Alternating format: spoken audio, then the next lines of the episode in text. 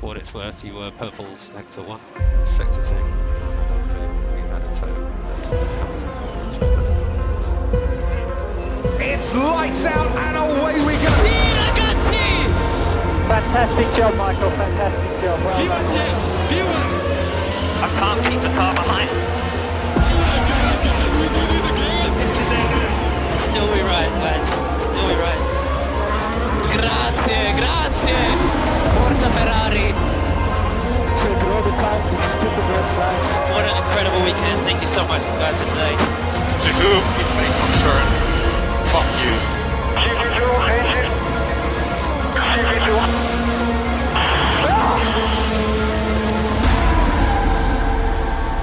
שלום חברים, אתם על הגריד, בפעם העשירית, רגע מיוחד. אני אוריאל ואיתי פה עמית, מה העניינים עמית? שמע, זה רגע מאוד משנה חיים, להגיד לך. להגיע לפרק עשירי זה כבר משהו אחר, אוריאל, זה טופ העולם כבר. כן. שמע, עמית, זה עשר צעדים. היום זה, זה פרק מיוחד מ- מכל הבחינות. היום יש לנו גם אה, אורח מאוד מיוחד אה, שנמצא איתנו מתחילת הדרך, והתרומה שלו לקבוצה אי אפשר להתעלם ממנה, בטח בתקופה האחרונה, אני מניח שראיתם אותה. אני מדבר כמובן על אה, רועי בן יוסף. מה קורה, רועי? מצוין, מה שלומכם? בוא ככה תציג את עצמך, תגיד לנו, למי שלא, שאיכשהו במקרה לא ראה, לא שמע, אם הוא חי, אתה יודע, באיזה מערה או משהו כזה, בוא תספר לנו קצת על עצמך. אה, אני רועי, אה, עוד מעט בן 20. אני בקבוצה ממש מההתחלה שלה, מנהל את הקבוצה, יחד עם אה, אוריאל ודני ועמית ונועם. אה, רואה פורמולה 1 מאז עונת 2006, שהייתי בן 4, התחלתי לראות פורמולה 1. אה, אוהד של אה, פרננדו אלונסו ושל קרלו סיינס, אוהד מאוד גדול של קרלו סיינס, כנראה שראיתם את זה בקבוצה. אה, זהו נראה לי. כן, וגם ראינו גם עוד, עוד כמה דברים בתקופה האחרונה. מי שככה פספס, יש לו את הפוסטים המצוינים שלו, שהוא עוזר לנו לספור את הימים, את הטבלת ייאוש עד שהסבב אה, יחזור, לפחות נכון לשעת ההקלטה.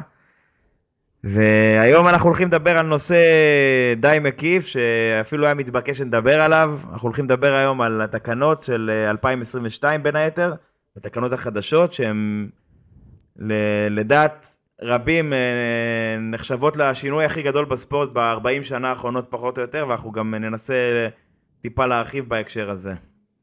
ל- טיפה להסביר לכם אה, במה מדובר ולמה זה כל כך אה, מיוחד ויש כל כך הרבה רעש סביב זה. תשמע, כאילו, עם כל הקטע שאנחנו פרק עשירי, ואנחנו כבר סיימנו את עונת 2021 עם כל המרוצים עד הסוף, אנחנו נכנסים כאן לשלב אחר בגריד. אה, עונה שנייה אפילו, הייתי אומר. ואני חושב שהעונה הזאת הולכת להיות כל כך מיוחדת, בסימן של 2022 ותקנות חדשות. ואני חושב שננסה להוציא מהמרב מהפודקאסט הזה ולתת לכולם איזושהי זווית ראייה אה, מאוד מקיפה, אה, שבסוף תעזור לנו ולכולם אה, לדעת איך אפשר בסוף להיכנס ל, ל, בסוף לתקופה החדשה שפורמולה אחת הולכת להיכנס אליה. כן, טוב, אוקיי, אז אולי אה, נתחיל מ... מלספר איפה, איך זה בעצם כל זה התחיל, מה, מה הוביל לכל הדברים האלה. ב-2017 בעצם היה, היה איזשהו חילופי בעלות ב, בספורט, מי שקנה את, ה, את הזכויות על הספורט מידיו של ברן איקרסון, זו חברה אמריקאית בשם ליברטי מידיה. אה, בעצם האמריקאים אה, נהיו הבעלי הבית של הספורט, הלכו לעשות חילוף בעלות בדואר והכל. אה, בקיצור, אותה ליברטי מידיה גייסה את אה, טובי המוחות, אנשים שעבדו, ב... ולזכותם רשומות הרבה אליפויות, אנשים כמו רוס ברון, שאולי נדבר עליו גם בעתיד בפודקאסט הזה, ופאט סימונס, ש... שידוע מהתקופה שלו בוויליאמס, וגם מקראש גייט ומעוד כמה דברים. וזה אנשים, אה, בעצם אה, קבוצה, קבוצת מהנדסים מאוד מאוד מוכשרת, סדר גודל של 20 אנשים, ישבו וניסו לחשוב איך אנחנו משפרים את ה... את הספורט המופלא הזה, איך אנחנו משפרים את היכולת של המכוניות להתחרות בצורה צמודה, אה, בעצם אה, אחת עם השנייה, אה, ולשפר בעצם את היכולת התחרותיות של כל הקבוצות ולצמצם את הפערים ביניהן. כן, אחד הדברים המורגשים ביותר בספורט, של פורמולה 1 זה העידנים, עידן מרצדס, עידן רדבול. ואני חושב שכאן יש כאן הזדמנות להגיד, טוב, נגמר הסיפור הזה, בואו נתחיל לעשות את הספורט הזה הרבה יותר מעניין בכל מרוץ אפשרי. כן, עכשיו, מה, מה שמעניין, זאת אומרת, המטרה הראשית היא כן לצמצם את הפערים, גם בהקשר הטכני, גם בהקשר אולי הכלכלי, שאולי אתה תזכיר אותו בהמשך, אבל רועי, שהוא צופה בפ... ב... בספורט הזה המון שנים, בטח יכול להגיד לך שכמו שאתה אומר, שיש תקופות מסוימות, אז תמיד אחרי שינוי תקנות, דווקא קורה הדבר ההפוך, הפערים מתרחבים בין הקבוצות. למה? כי יש קבוצות ש...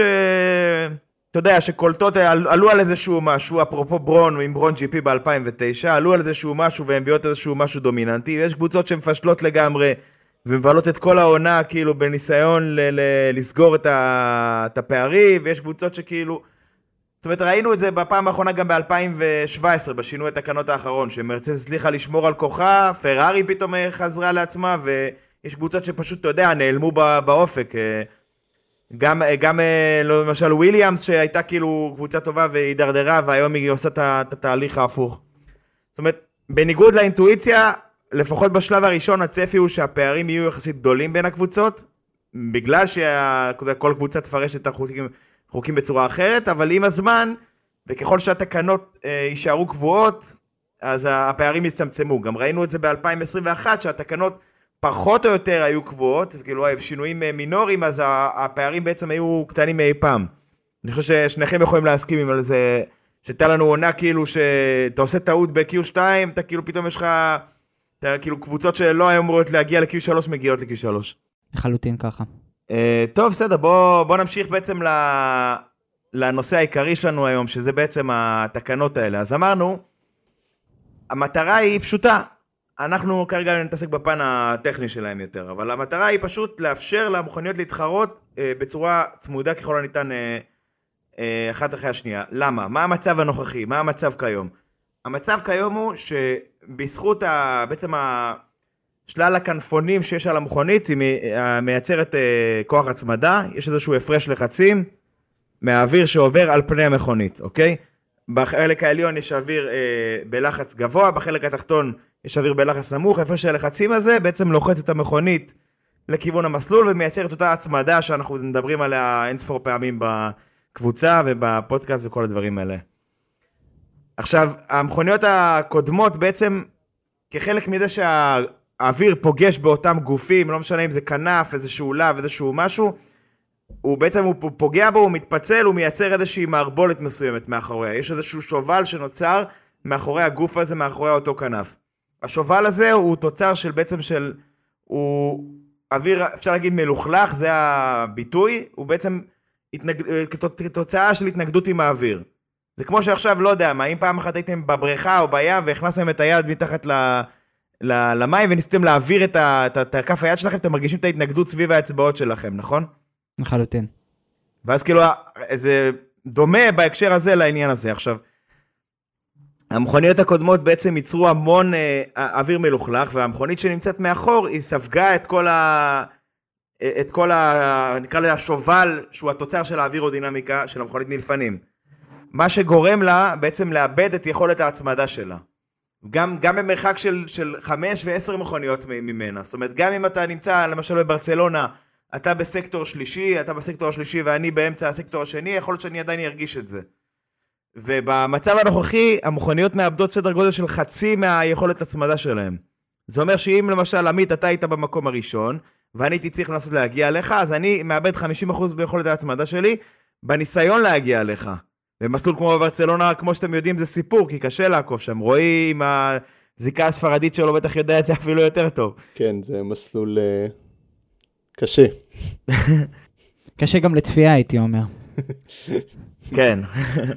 בקיצור, התוצר של זה זה שהמכונית מייצרת פחות הצמדה, הפועל יוצא זה שיש פחות אחיזה, צמיגים מחליקים, ומעצם זה שהם מחליקים בפניות, הם מתחממים יותר, ואז יש לך גם כאילו, הצמיגים נשחקים מעבר, אתה צריך ללכת להחליף, וגם קשה לך להישאר אה, צמוד ליריב שלך. אוקיי, אז איך אנחנו בעצם עושים את זה? מה, בצורה הכ, הכי פשוטה, אם נוכל לפשט את זה, מה, מה הביטוי שחוזר הכי הרבה פעמים בהקשר של התקנות החדשות? מה מייחד בעצם את המכוניות הזאת? אתם כמי ש... כאנשים שככה שוחים בחומר ומכירים, מה מייחד את המכונית הזו מבחינה ויזואלית, לעומת המכונית הקודמת, על מה היא מתבססת מבחינה אווירודינמית? בעצם פעם ראשונה מאז שנות ה-80 באמת שהתקנות האלה הוצאו מחוץ לחוק, אה, יש משהו שנקרא אפקט קרקעי. אה, הוא בעצם, אה, זה גורם למכוניות לדאונפורס הרבה יותר גבוה בצורה פשוטה יחסית. וכמו שזה, אוריאל אמר, אה, אם אנחנו מדברים על הפרש הלחצים, לחץ גבוה למעלה, לחץ נמוך למטה, אז אה, בדיוק פה יש אפשרות עם ה... בעצם לשחק עם הרצפה עצמה, אה, למקום שאפשר לנווט את האוויר בצורה אחרת וליצור שינוי בזרימת הלחצים מתחת למכונית, משהו שלא קרה כבר המון המון שנים. זהו, אז בדיוק, אז בשנים שעברו כן ניסו, אפילו ב-2021 כן ניסו לשחזר את האפקט הזה, גם במכונית בשנה שעברה, אבל הפעם זה קצת יותר משמעותי, בגלל שאין את כל ה... שהכנף הקדמית הפכה להיות פשוטה יותר, והכנף האחורית הפכה להיות פשוטה יותר, אז עיקר ההצמדה בעצם מיוצרת על ידי אה, רצפת המכונית. מתחת למכונית יש תעלות כאלו, התעלות האלה נקראות אה, מנהרות ונטורי, אבל הן מסתמכות על אפקט שנקרא אפקט ברנולי, אוקיי? ברנולי על שם הבחור שפיתח את הנוסחה, לא ניכנס לזה. בצורה פשוטה, יש יחס הפוך בין לחץ למהירות. המהירות, ככל שהיא עולה, הלחץ קטן, זאת אומרת, אוויר שעובר במהירות מאוד גבוהה מתחת למכונית, יכול לייצר איזשהו ואקום, איזושהי שאיבה, וככל שהאוויר נגיד פוגע בצמיג, אז, בלח... אז, אז הוא פוגע במהירות איטית, הלחץ שם גבוה. גבוה עד, אה, כאילו, אתם מבינים את הכוונה. עכשיו, רועי הזכיר את הגראונד אפקט, האפקט הקרקעי, באמת התחיל בשנות, בשנות ה-70 עם אה, קבוצת לוטוס, בשנות ה-80 הוא נאסר לשימוש. הבעיה, ההפרש בין שנות ה-70 להיום הוא פשוט. בשנות ה-70 עשו את זה עם חצאיות כאלה סביב המכונית. בעצם אטמו את המכונית משני צידיה, ואפשרו לאוויר הזה לעבור אה, מתחת למכונית. עכשיו, מה, מה הייתה הבעיה בזה? שמבחינת הכיול של המכונית הם לא היו מומחים כמו שהם מומחים היום. אז נהג כזה שיש לו את החצאית הזו מתחת למכונית, יש לו הצמדה מאוד מאוד גבוהה, בפניות הוא לוקח את הטס, אבל פתאום הוא עולה על איזשהו אבן שפה, על איזשהו קרב, איזשהו אה, אה, בור, איזשהו משהו במסלול שגורם לו לטפס טיפה, ונוצר איזשהו פער בין החצאית הזו, נגיד ככה, לבין המסלול, לא משנה אם היא זזה או איזשהו משהו, נוצר איזשהו פער, והפער הזה גרם לאובדן אחיזה מאוד מאוד משמעותי, מאוד מאוד פתאומי. אתם מבינים את הרעיון פחות או יותר? כן. התקווה היא שהיום, בעידן המודרני, שיש המון המון ידע על, על כל העניין של קיול של מתלים, והקבוצות בעצם משקיעות הרבה מאמצים בשביל לשמור את המכונית, נקרא לזה רובסטית ככל הניתן, שכמה שפחות דברים ישפיעו עליה באופן יחסי, אז התקווה היא היום שזה, שהן פחות, שהן פחות יהיו רגישות לדבר הזה. זאת אומרת שהיום, אתה יודע, לואיס יוכל לעבור, לעלות על קרב, וזה לא יגרום לו פתאום לאיזה, לסבסוב או לאיבוד אחיזה פתאומי או משהו כזה. השאלה איך עושים את זה שהרצפה הופכת להיות יותר מורכבת אה, משנת 2022. אז זהו, אז דיברנו על זה. בשנת 2021 הרצפה הייתה ישרה כחלק מהתקנות, והיה את הקרש ההוא שדיברנו עליו בעבר, שמטרתו הייתה בעצם למדוד סוג של מדיד, שהקבוצות לא מתקרבות יותר מדי ל... ל... למסלול. השנה יש מה שהם קוראים לזה הרצפה התלת-מימדית הזו, זה השם שהם נתנו לזה, המנהרות הוונטורי האלו. זה בעצם תעלות אוויר ש... כאילו זה משהו שהוא פחות אה, עובר בפודקאסט, אבל תנסו רגע לדמיין את זה אם אנחנו מסתכלים מהצד על המכונית. זה מתחיל רחב, ממשיך ישר צמוד לקרקע ומתרחב פעם נוספת. זאת אומרת, כמו, כמו חלק עליון של טרפז כזה, אם, אה, אני מניח שאתם יכולים לדמיין את זה, רועי ועמית? כן. סבבה. עכשיו, זה, זה בהמשך למה שדיברנו על אפקט ברנולי. הוא מתחיל גבוה, ממשיך נמוך ויוצא גבוה. מה הקטע פה? אתה מתחיל גבוה, אתה מכניס מסה גדולה, ספיקה גדולה של אוויר, אתה מצר, וברגע שאתה מצר, אתה בעצם אה, אה, מגדיל, את ה, מגדיל את המהירות באזור הזה, יש, אתה מאיץ את האוויר תחת המכונית, וברגע שאתה מרחיב, אז הוא יוצא החוצה בבוסט כזה, אתה מבין את הכוונה? כן. סבבה. עכשיו, בגלל שאנחנו עושים את זה נטו עם הגיאומטריה של הרצפה, ולא כתוצאה מ... נקרא לזה כל מיני להבים סביב המכונית, או כנפיים, או דברים כאלה, אז, אז ה... מידת ההתנגדות עם האוויר, מה שמכונה גרר, היא קטנה משמעותית מאשר מה שהיה בשנים עברו. זה בעצם, זה בנוסף לעוד כמה דברים שיש סביב המכונית, הם בעצם אלה שאמורים לאפשר למכונית, בעצם למכונית אחרות לעקוב יותר צמוד. אז אמרנו, זה האפקט הקרקעי, הכנף הקדמית והכנף האחורית, הם, הם בעצם הפכו אותן פשוטות בהרבה, והגלגלות בהרבה גם, ש... כי כל שפיץ שיש, כל פינה בעצם שיש, היא, היא תוצר, היא בעצם פוטנציאל ליצור איזושהי מערבולת אוויר, אז צמצמו את זה ככל הניתן. כמו למשל שאתם רואים במטוס שממריא בקצוות של הכנפיים, נכון לפעמים שתי הקצוות של הכנפיים טיפה עולות כאלה כלפי מעלה? אתם מכירים את זה? כן. אז הדוגמה הזאת, זה, שעושים את זה בתעופה, מעולם התעופה, זה לצמצם את אותן מערבולות שנוצרות בק- בקצוות של הכנפיים. אז אותו דבר גם פה, המעבר לגיאומטריה טיפה יותר הגלגלה היא לטובת זה. עוד איזשהו משהו שעשו, ואולי אה, ניגע בזה, זה, זה, יש כאילו מעל הצמיגים, מעל הגלגלים, מעבר למעבר לגלגלי 18 אינץ' וכיסוי לגלגלים, יש גם להבים כאלה מעל המכונית, אני מניח ששניכם כבר ראיתם אותם ותהיתם במה מדובר. כן. אז הלהבים האלה בדיוק מטרתם היא לנקות את האוויר הזה, כי כשהאוויר בא והוא פוגע בצמיג, בצמיג שמסתובב וזה כמו קיר כזה, אז הוא מתפוצל לשני הצדדים, או בעצם לכמה צדדים, בתמונה יותר תלת-ממדית, והוא מתחיל להתבלגן וליצור איזושהי טורבולנציה, איזושהי מערבולת. אז בעצם זה שאתה מעביר אותו בלהב הזה, בין, בין הלהב לצמיג, אתה בעצם מנקה טיפה את ה... מקטין מעט את הטורבולנציה הזו, מקטין מעט את המערבולת, זאת ההשפעה של אותו צמיג. עכשיו אנחנו מדברים, אה, לפי מה שאני מבין, צמיג הוא גורם משמעותי ביותר לטורבולנציה שאתה מדבר. אה, בכלל, בכל המכונית עצמה. אה, מה זה יגרום שאנחנו רק שמים את הכנפון הזה מעל, ה... מעל הצמיג? כמה בעצם זה ישפיע על כל הטורבולנציה עצמה של הצמיג? אז זהו, יש דוגמה די אקטואלית שאם אתם זוכרים מעל ההיילו, שזה. בעצם אותה קשת שנמצאת, קשת הגנה שנמצאת מעל הנהג, יש גם uh, סרגלים כאלו שהם שמו בשנים עברו, ראיתם כל מיני, כל מיני להבים קטנים וכל מיני דברים כאלה, זה בדיוק אותו דבר. אז במקרה של. במקרה של ההיילו זה לנקות את, ה... את הזרימת האוויר שמגיעה שהיא פוגשת את ההיילו, כי, כי, כי היא פוגשת את ההפרעה הגדולה הזאת שבה... שנמצאת באחרית שהיא ה halo, אותו דבר כמו, כמו פה, אתה רוצה לצמצם את ההשוואה של ה... את ההשפעה, סליחה, של הצמיג. הצמצום, העניין של צמצום ההשפעה של הצמיג זה משהו שהוא מאוד מאוד מאוד משמעותי בדברים האלה, כי האוויר אחרי שהוא פוגש בצמיג, דיברנו על זה שהוא יוצא משם מאוד מאוד מעורבל ומאוד מאוד מסוחרר כזה. את האוויר הזה, שכמו שהוא בתצורה הזו, אני לא רוצה שהוא ייכנס למנהרות של האוויר. אני לא רוצה שהוא יגיע לרצפת הרכב, אני לא רוצה שהוא יגיע ל diffuser, אני לא רוצה שהוא יגיע למקומות האלה, כי הוא אוויר שהוא לא אוויר נקי בהגדרה, והוא לא יהיה יעיל באותם נקרא לזה אלמנטים אווירודינמיים, כמו אוויר שמגיע ללא שום הפרעה, אתם מבינים? אז המטרה היא, אנחנו רוצים כמה שיותר להרחיק, להרחיק בעצם את, שפו, את התוצר של מה שפוגע בצמיגים, להרחיק אותו אה, מה, מה, מה, נקרא לזה מיצרני ההצמדה העיקריים שלנו, אוקיי? אז זה גם חלק מזה. עכשיו אם אנחנו מדברים על צמיגים, הבנתי שחוץ מהכנפיים עצמם, הולכים להיות כיסויים, כיסויים אה, מורכבים בילדין לצמיג עצמו. אה, מה זה? מה נותן היתרון אה, לכיסוי צמיג? יפה. אז הכיסויים האלה, רועי, אתה זוכר מתי פעם האחרונה ראינו אותם? עשר שנים בערך, יותר אפילו. זה רחוק. 2008 או 2009. אני חושב ברון ג'י פי, לא? היה משהו. כן. טוב, בכל אופן, דרך אגב, מבחינת הצמיגים, החישוקים השנה הם זהים לכל הקבוצות. החישוקים שבתוך הצמיגים זהים לכל הקבוצות, יש יצרן שנקרא BBS יפנית שהוא עושה לכולם, אבל מה עומד מאחורי העניין של הצמיגים? זה, זה דומה למה שדיברנו עליו עם הלהבים האלה, אוקיי?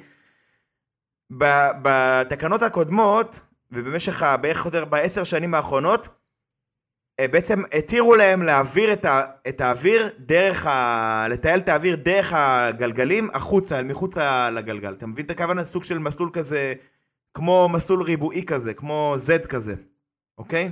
כן. אז התירו להם בתקנות הקודמות להעביר דרך כונסי האוויר, להעביר את זה אה, אל מחוץ לגלגל.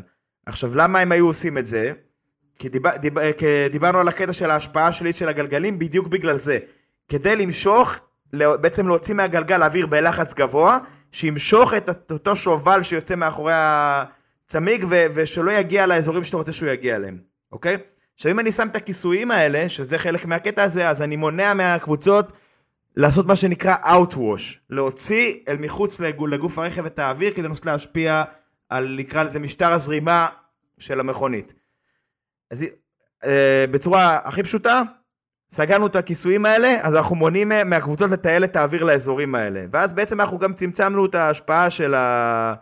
של הגלגלים, גם בהקשר הזה וגם בהקשר של אוויר שיעבור בחישוקים, אז הוא יפגוש את הכיסוי הזה והוא לא יפריע לזרימה. בעצם הזרימה של, נקרא לה האזור הזה של הצמיג עם הלהב הזה, תהיה הרבה יותר נקייה. ו- והפועל היוצא זה שזה שמי שנמצא מאחור, הוא פחות יספוג את, ה- את ההפרש הזה. דיברנו על זה גם שהקטע שהוא מאבד 50% מה, מיכולת ההצמדה שלו, נכון? כן, כיום. נכון. אתה, אתה זוכרים איך פחות או יותר מה המספרים שצפויים שיהיו השנה? אה, 8% אה, ל-10 מטר, בין אה, רכב לרכב, ו-20 מטר, אזור ה-18%. אוקיי, זאת אומרת פוטנציאלית יש מצב שזה באמת יקרב קצת בין המכוניות, מאוד, אם זה יעבוד, כן. קרב מאוד מאוד מאוד. עכשיו, שאלה נוספת לגבי הצמיגים. דיברנו על הכיסויים עצמם שעכשיו אה, הולכים אה, להתווסף. האם זה יפגע ביכולת קירור של אה, בעצם הברקסים, אותם אה, דיסקים גדולים שיושבים ב, בפנים הצמיג עצמו? שאלה מצוינת, כי השנה, מאחר והחישוקים גדולים יותר, גם, גם הדיסקות של הברייס גם גדולות יותר.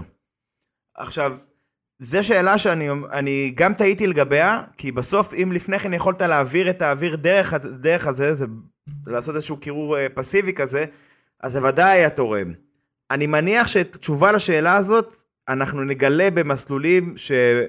ששם, אתה יודע, שהצמיגים, אה, אה, סליחה, הבלמים הכי סובלים שם. אנחנו מדברים על מסלול כמו בקו, אנחנו מדברים על מסלול כמו קנדה, אם אנחנו אי פעם נחזור לשם, כאילו, אני מקווה שנחזור לשם בשנה. מה שנקרא זה remains to be seen. זה משהו ש...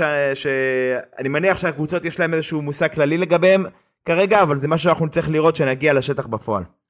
עכשיו, אם אנחנו ממשיכים עם צמיגים, דיברנו על הכיסויים, דיברנו על הכנפונים, אבל לא דיברנו על הצמיג הגדול שהולך להגיע. מה ההשפעה שלו? איך אנחנו עכשיו, עם צמיג כל כך גדול, שמביא לנו גם משקל יותר גדול לרכב, הולכים לקבל מרוצים יותר מהירים, או בכלל יותר מעניינים?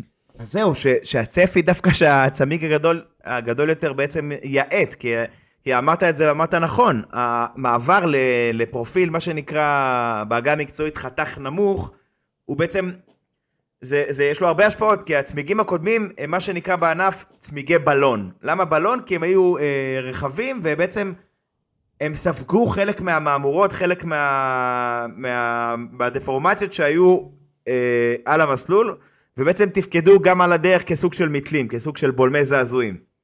עכשיו, שהצמיג והחישוק גדולים יותר, אז יש לך פחות, אה, נקרא לזה בשר, לגומי הזה, אז הם, הם מתעוותים הרבה פחות.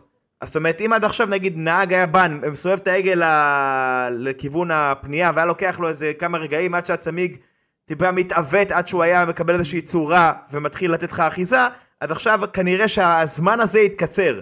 כי הצמיג פחות יש לו נטייה לעיוות.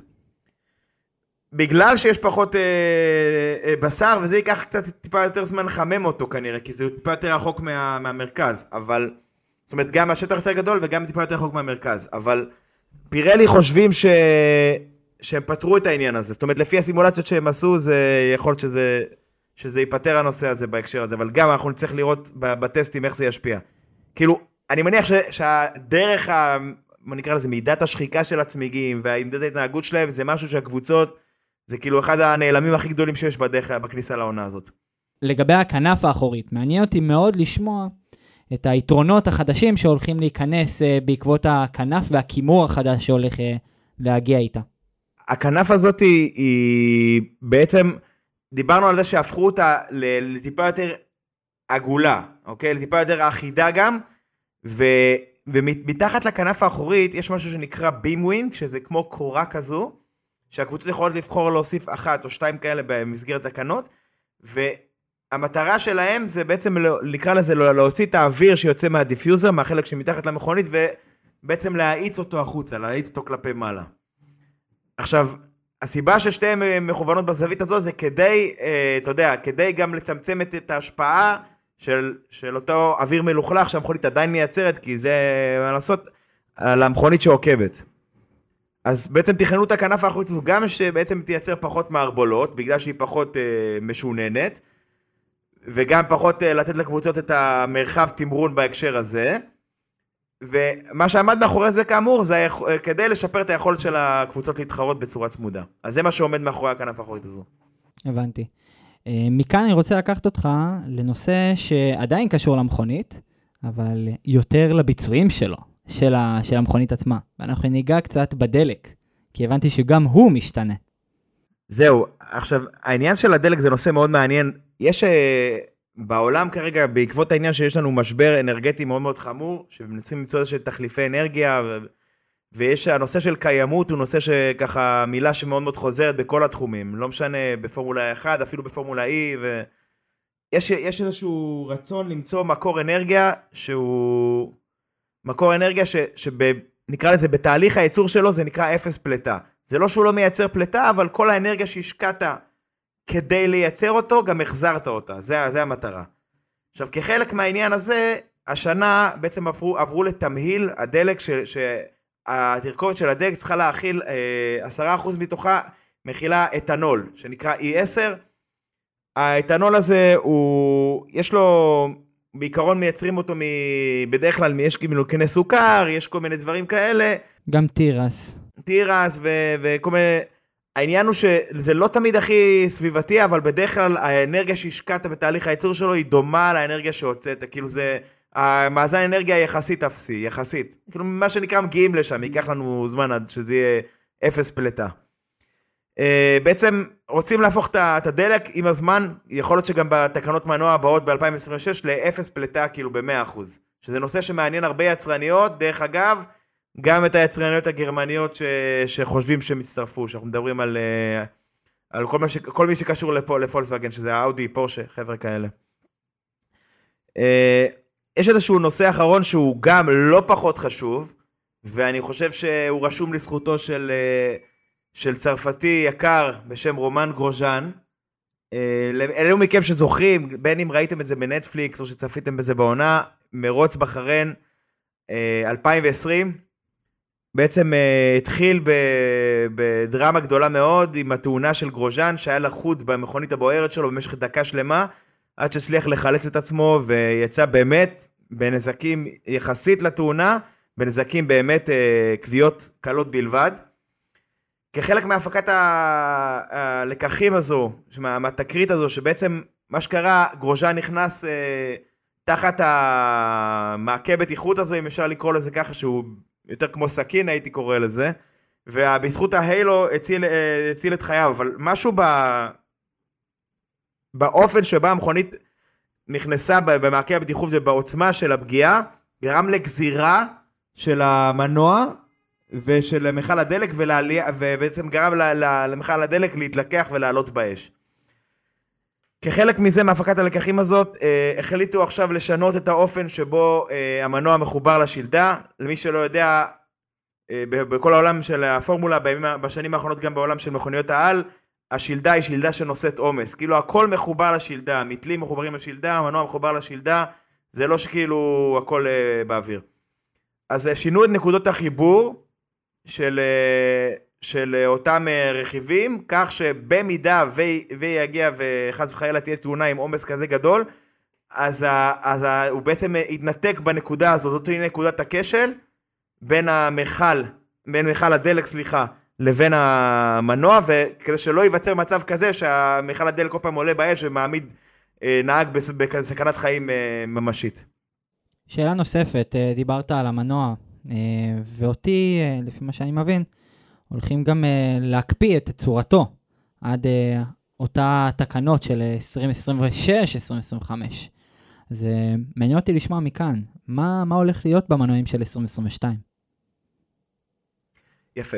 אז uh, העניין של הקפאת התצורה היא באמת משהו שהוא, הקורונה דחפה את זה די, די, די, אתה יודע, די קדימה, דחפה את זה כדי לאפשר לאנשים להתחייב לתקנות החדשות, אבל ככלל, אה, בוא נגיד ככה, אפשרו לכל הקבוצות להציג תצורה אחרונה, זאת אומרת מנוע חדש ל-2022. אה, חלק מהתצורה הזאת תוקפא בתחילת מרץ 2022, והחלק ההיברידי של המנוע בספטמבר 2022. אה, עד מתי? עד לסוף התקנות המנוע הנוכחיות ב-2020, בסוף 2025. עכשיו, מה זה אומר בעצם? זה אומר שפרארי תציג מנוע חדש, זה אומר שמרצדס תציג מנוע חדש, זה אומר שאלפין תציג מנוע חדש, וסוף סוף בתצורה של מרצדס, אז אולי בתצורה שה, שהטורבואים יושבים בין ה-V של המנוע, שזו תצורה שהתגלתה כיעילה ביותר, ואולי סוף סוף נראה גם את אלפין, אולי נזכיר אותה גם, אבל נראה אותה קצת יותר קרובה לחזית. והכי קריטי בזה, זה שהונדה, הונדה כן, שהייתה לפני רגע עם רדבול, תציג מנוע חדש. זאת אומרת, הונדה בשנה האחרונה עבדה על מנוע חדש חזק ואמין, ואם הוא יהיה חצי ממה שהמנוע הזה היה, אז הם באמת, הם יהיו כאילו במקום מאוד טוב. עכשיו, דבר אחרון שאולי גם בהקשר הזה שדיברנו על, ה- על האתנול, על E10, ההערכה הרווחת בקרב הקבוצות שהמעבר לדלק הזה עלתה לקבוצות ב-20 כוחות סוס למנוע. אז נוסף לכל התקנות הטכניות המשוגעות האלה, שהן באמת אולי השינוי הכי גדול ב-40 שנה האחרונות של הספורט הזה, אה, אז הקבוצות גם, אתה יודע, אנשי המנועים גם צריכים לפצות על 20, ה- 20 כוחות סוס האלה, אה, בנוסף לכל, בנוסף לפיתוח המנוע. אז כפי שאמרנו, השנה, אה, בתחילת השנה תוצג תצורה האחרונה, לאחר מכן, עד 2025, כולל תצורת המנוע תוקפא, פיתוח על המנועים יוקפא.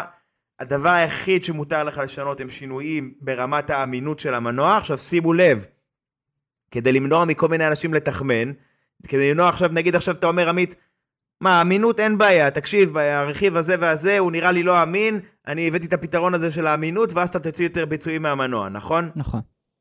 יפה. עכשיו, כדי למנוע ממך לעשות את זה, אז מה שהם עושים, נגיד שעכשיו אתה שנה הבאה מגלה שהמנוע שלך לא אמין מכל סיבה כלשהי ואתה, ואתה אומר את זה, אתה תצטרך להגיש הצעה מסודרת, שכל הקבוצות יקראו למה וכמה אתה רוצה לשנות את החלק הזה, ורק אחרי שהם יאשרו אתה תוכל לעשות את זה. אז ככה שאם אתה כל כך רוצה לשפר משהו ולנסות להשיג ביצועים, כולם ידעו על זה, אל תדאג. תשמע, בקיצור, אין סיכוי לתחמנות פה. לא, יהיה קשה מאוד. בפורמולה 1 אל תגיד אה, אה, אין סיכוי לתחמנות אף פעם, אל תדאג. כולנו ראינו את אה, פרארי ב-2019. ראינו, ראינו אותם ב-2020 גם, אה, זה, לא מדברים על זה. תשמע, אה, אני חושב שהנושא האחרון אולי, לפני שבאמת ניגע קצת בקבוצות, שזה גם לא פחות חשוב, כסף. בנוסף להכל כסף. בסוף הכסף אה, מסדר הכל. מה אנחנו אומרים על הנושא הזה? אז ככה, אנחנו מורידים עוד קצת מהסכומים שגם ככה התחילו לצמצם מ-2021, אה, ועכשיו כל קבוצה, התקציב שלה הולך להגיע ל-140 מיליון דולר, אבל יש כוכבית, לא כולל שלושה מסתחרים הכי גבוהים, בעצם שלושה דמויות המפתח המרכזיות, ושני הנהגים. זה אומר שמבחינת פיתוח, הוצאות של כל הקבוצה עצמה, של הרכב והמרוצים, הכל בפנים ה-140 מיליון דולר. בנוסף לכך, יש גם הגבלות על הרכיבים שיש לכל, אה, לכל קבוצה שיכולה להשתמש בהם. כשאנחנו מדברים על רכיבים, אנחנו מדברים כמובן רכיבים של מנועים, אנחנו מדברים כמובן רכיבים של הגיר עצמו, וכל היוצא מכך, זה אומר גם ה-MGUK, ה-MGUH, בעצם החומרים של החלק ההיברידי של המנוע, כל הדברים האלו בעצם יס- יס- ייספרו מתחילת העונה אה, ויהיו מוגבלים לכל, אה, אה, לכל קבוצה. כמובן, כמו כל שנה, כמו כל שנה שהיו עד עכשיו, אבל כאן אנחנו מדברים גם על כמויות יותר מצומצמות.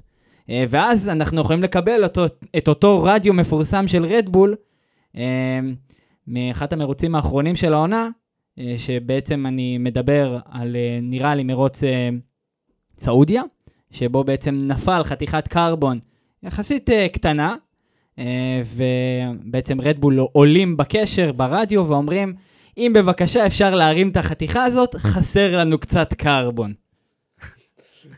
כן.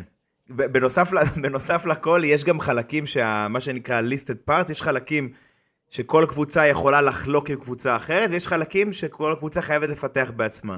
אז הרשימה הזו גם התרחבה, זאת אומרת, הדברים שהיו לפני כן נשארו. נגיד אה, קבוצות כמו אסטון וויליאמס יקנו את תיבת ההילוכים שלהם מ- ממרצדס, ואת פתרונות הקירור שלהם ואת המנוע שלהם ממרצדס, ושאר הדברים יפתחו בעצמם, אבל את האווירודינמיקה, למשל בין האס, ל- או את המתלים גם הם יקנו, את האווירודינמיקה אבל הם צריכים לעשות לבד, למשל האס ופרארי אה, באותו, באותה צורה.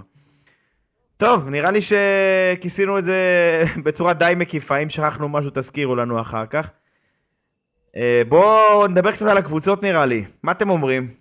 אמ, נראה לי לפני שאנחנו קופצים לקבוצות, בואו נסביר קצת על מה הולך להיות לנו עכשיו, הלוז, אה, מבעצם אה, תקופת פברואר, כמו שאנחנו נמצאים בה עכשיו. אז אה, ניכנס בעצם לתאריכים עצמם, אנחנו מדברים שמפברואר הקבוצות מתחילות בהשקות. מה זה אומר השקה? בעצם כל קבוצה אה, מציגה דגם מאוד מאוד בסיסי של הרכבים שלה.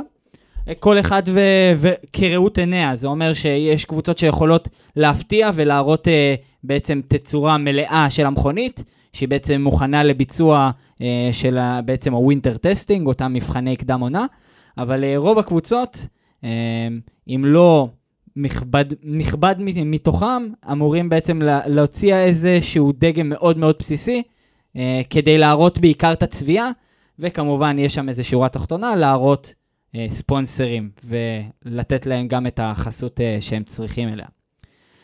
בעצם אחרי שאנחנו מסיימים את החשיפות, אנחנו נכנסים למבחני הקדם עונה, שמחולקים לשניים העונה. יש לנו מבחנים בבחריין ויש לנו מבחנים בברצלונה.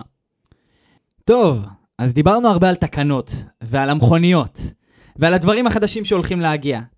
אבל אותי הכי מרתק בסוף זה הספורט, זה התחרות בין הקבוצות.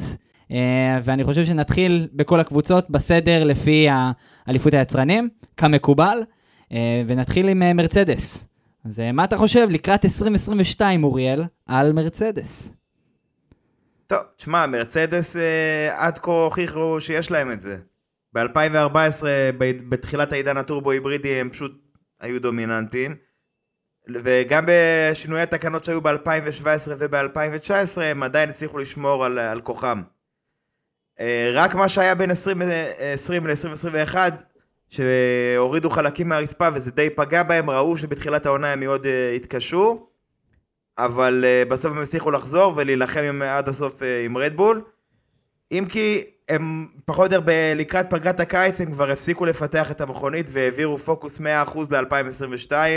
אני מניח למורת רוחו של לואיס, שבטח רצה שימשיכו לפתח את המכונית בשביל לקרב על האליפות.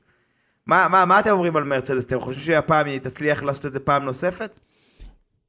אה, אני מאמין ששוב, כרגיל, מרצדס פשוט יצאו עם ידם על העליונה, זה משהו כאילו שראינו באמת מאז 2014 ועד העונה, כבר היו עונות שהם uh, התחילו בגמגום ואמרו, הנה, זה כבר לא העונה שלהם, ראינו את זה ב-2017 וב-2018.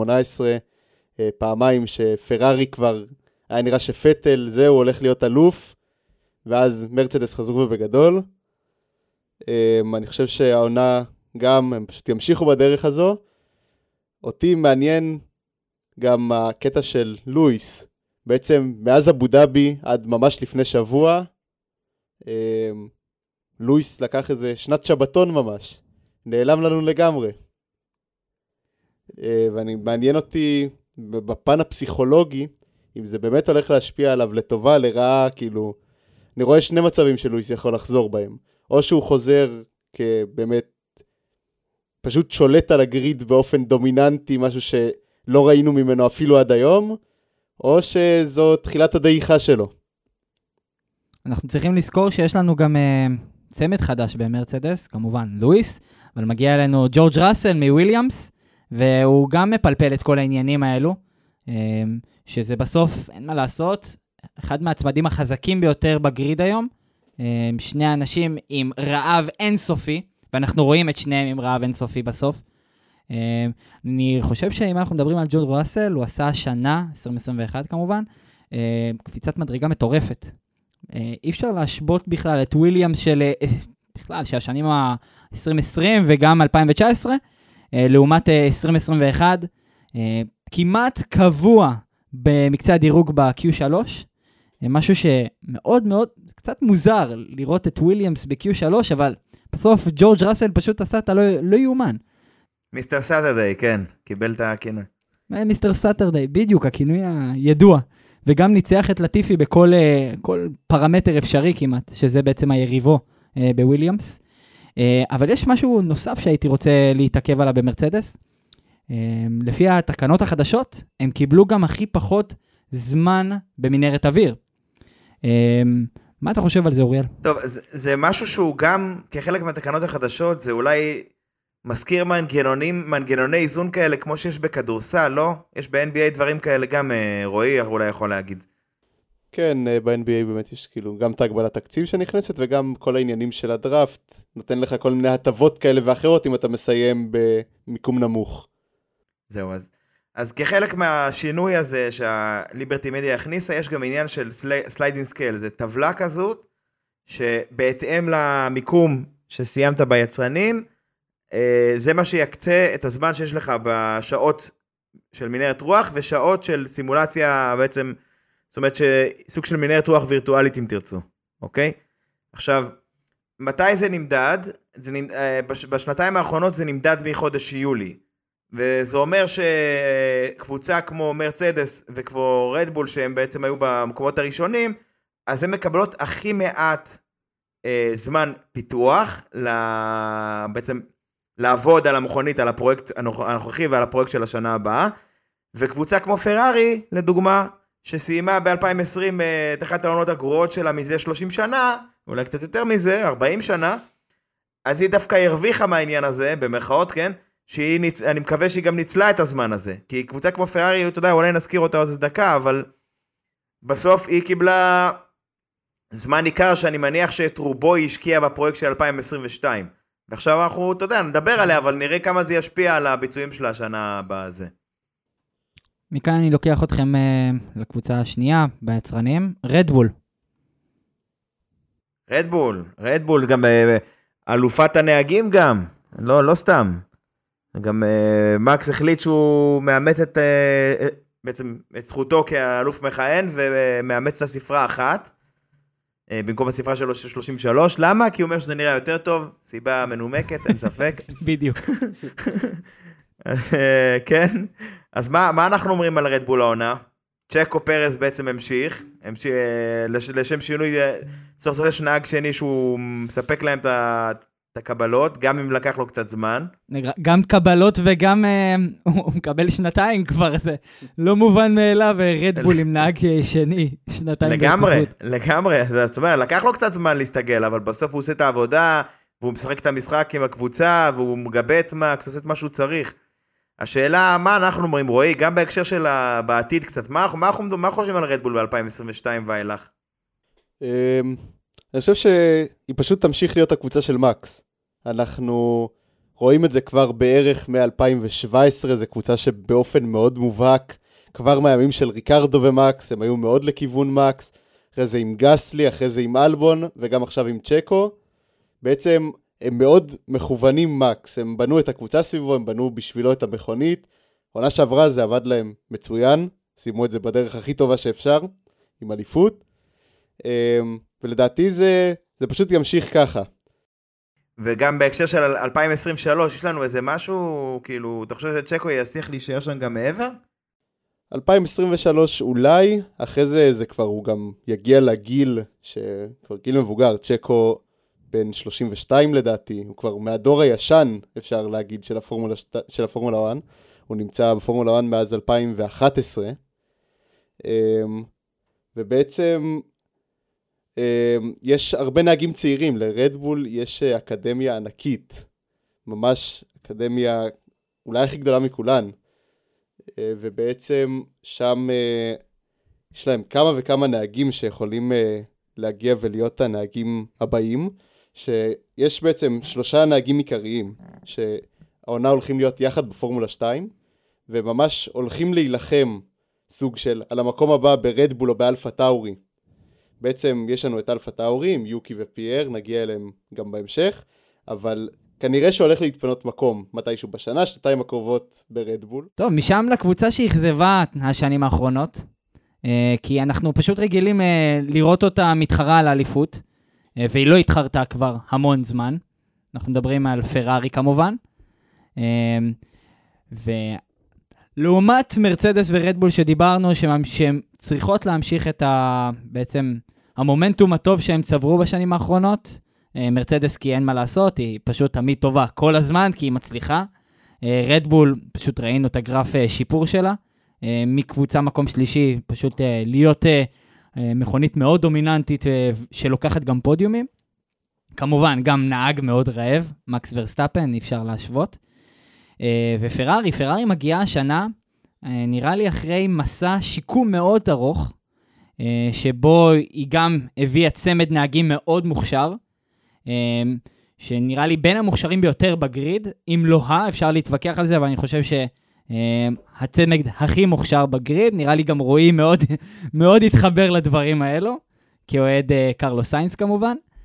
אה, ומעבר... כן, הם הצמד נהגים כנראה הכי חזק היום בגריד. הם באמת אה, שני נהגים צעירים, מאוד מוכשרים, נמצאים כבר הרבה שנים בפורמולה 1 באופן יחסי לגיל שלהם. ובכללי, מבחינת פרארי זה לדעתי מין עונת אה, להיות או לחדול. אחרי הרבה שנים שהם כזה באמצע, כמעט אליפות, כמעט לא, או עונות מאוד גרועות כמו 2020, בעצם עכשיו עם ההקפאה של המנועים, עם התקנות החדשות, עם אה, lineup שהוא מאוד צעיר, מבטיח, רעב, זה העונה שלהם לחזור לטופ. אם העונה הם לא חוזרים לטופ, יש בעיות בפרארי. בינוטו הולך הביתה. בדיוק, במיוחד שבגלל שבינוטו דיבר על זה שבשנים האחרונות הוא נעלם ממרוצים בכוונה כדי להמשיך את אה, מאמצי הפיתוח של 2022. פרארי קיבלו הכי, בין קבוצות העילית שקיבלו הכי הרבה זמן uh, במנהרת הרוח, ונראה לי זה מקנה להם פשוט יתרון מאוד מאוד משמעותי לקראת 2022. הם וכמובן uh, הקבוצה שמספקת אליהם uh, את המנועים שלה, האס, uh, שעוד שנייה נגיע, שהם בכלל, מבחינתי, אירוע בפני עצמו, להיות או לחדול, נקודה. אז זה מבחינתי על פרארי. זהו, פר, פרארי גם, אתה יודע, הם הגיעו ל-2021 עם השקעה, הם פתרו את הבעיות שהיה להם ב-2020, מנוע טיפה יותר טוב.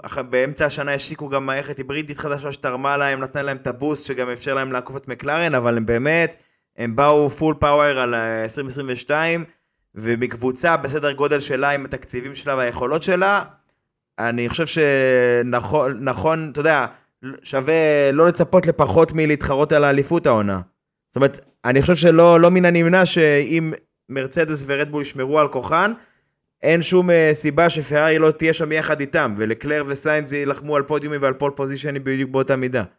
זה יעד ריאלי לדעתי לקבוצה ברמתה, זה לא קבוצה פרטית. עוד משהו שהם uh, טוענים גם שהם הצליחו זה בדלק החדש, באתנול, הם uh, טוענים שהם, שביחד עם של, הם הצליחו ליצור תרכובת שהיא ממש ממש טובה, הם טוענים ש... נגיד אם דיברנו מקודם על 20 כוחות סוס uh, שנאבדו בתרכובת הזו, הם טוענים שהם פחות או יותר החזירו את ה-20 כוחות סוס האלה בתרכובת דלק שלהם. אז זה יהיה מאוד מעניין לראות אם זה באמת משהו קיים או סתם דיבורים באוויר. הפרויקט של המעונה שלהם גם צריך להיות מאוד מאוד מאוד משמעותי. הם עשו שם טכנולוגיה חדשה בבוכנות, דברים כאלה, זה אמור להיות כאילו... סיכמנו את זה יפה, אני חושב, הם השקיעו המון בשנה הזאת, וזה באמת, אם הם יהיו לא פחות מתחרים על האליפות, או לפחות מנצחים אה, פה ושם, זה יהיה די מאכזב לדעתי, קבוצה ברמתם. טוב, לקבוצה הבאה, מקלרן. מה אנחנו אומרים על מקלרן? כנראה שזו הקבוצה שהכי כיפית על הגריד. הכי כיפית על הגריד? הצמד נהגים הכי כיפי על הגריד, נראה לי. תשמע, סגל, סגל חזק מאוד, יש להם סגל חזק מאוד. אה, לנדו נוריס שנה, שנה שעברה, הוא העלה את הרמה שלו, קפץ 20 רמות למעלה. קפץ 20 רמות, תראה שהוא לגמרי נהג שיום יבוא ויתחרה על איזה אליפות עולם. אולי היום הזה לא כזה רחוק, ואולי זו השנה כבר, לך תדע. אנחנו גם מקליטים את זה, ב, אתה יודע, בידיעה ששבענו שהוא ממשיך איתם גם עד סוף התקנות הנוכחיות, שזה 2025 לדעתי. נכון. זה חתיכת הבעת אמון, לא במערכת. מעבר לזה, יש לו גם אה, נהג נוסף מאוד מאוד מאוד ותיק, חכם, וחדור רעב מטורף, דניאל ריקרדו. אמ, אני חושב שהוא הוכיח את עצמו השנה. הוא הראה לכולם שהוא נשאר, והוא נשאר בגדול, והוא לא מפסיק אה, ככה, אה, נקרא לזה, להיות רעב ולנסות אה, לקחת אפילו כמה פודיומים ולכו תדעו, גם איזה אליפות. אבל לא חושב שיהיה לו קל כל כך עם לנדון נוריס. אה, ואני חושב שהפרויקט שלהם יהיה מאוד מאוד הכרחי. אני חושב שהמומנטום בכלל של אה, אה, מקלרן הוא מאוד חיובי. אם ראינו את הרכב מ-2018, שהוא היה מידפילד מאוד מובהק, לרכב שמתחיל לקחת פודיומים, ואם בכלל, 2021, פודיום כפול במונזה. מרשים ביותר. נכון, 1-2 מה- לראשונה מאז 2012. איפה, איפה נשמע הדבר? וזה, דרך אגב, זה לא במקרה, שום דבר כזה הוא לא ידע מקרה. זה ניהול נכון של זאק בראון, זה ניהול נכון של אנדריאס סיידל, זה, הוא הביא את האנשים, את האנשי העבודה שפחות מדברים, יותר עושים, ותאמין לי שקבוצות כמו וויליאמס ואסטון מרטין מסתכלות על המודל של מקלרן ואומרות אנחנו רוצות גם. ואם זה וויליאמס שהביאו חבר'ה מפולקסווגן מתוכנית הראלי שלהם, ואם זה אסטון מרטין שעכשיו הביא את מייק קראק שהוא היה ב... יש לו עבר ב-BMW וגם עבד עם סב שהוא היה צעיר וכאילו החבר'ה שאתה יודע שיש להם את ה-know-how שהם יודעים איך לעשות את הדברים והם רואים את המודל של מקלרן, הקבוצות הפרטיות האלה ואומרות אנחנו רוצות גם, אנחנו רוצות להיות שם. כן, מקלרן בכללי, כאילו, אם אנחנו מסתכלים חמש שנים אחורה על מה שהלך שם ב-2017, כל הפארסה עם הונדה והבלגן הלא נורמלי שהיה שם בתקופה של אלונסו וונדורן, והם התחרו פחות או יותר על המקומות האחרונים ביניהם. אמ, תוך חמש שנים הם עשו שינוי פשוט אדיר, גם ניהולי, אה, גם מבחינת המכונית, אה, וממש כיף לראות אותם חוזרים ככה לטופ. אה, זה משהו שבאמת כל קבוצה, אה, וכמו שאמרת, אסטון וויליאמס אה, צריכות ללמוד מהם מאוד, בעיקר אם אה, הן רוצות גם להגיע לטופ אה, אחרי הרבה שנים, לא שם, במקרה של וויליאמס.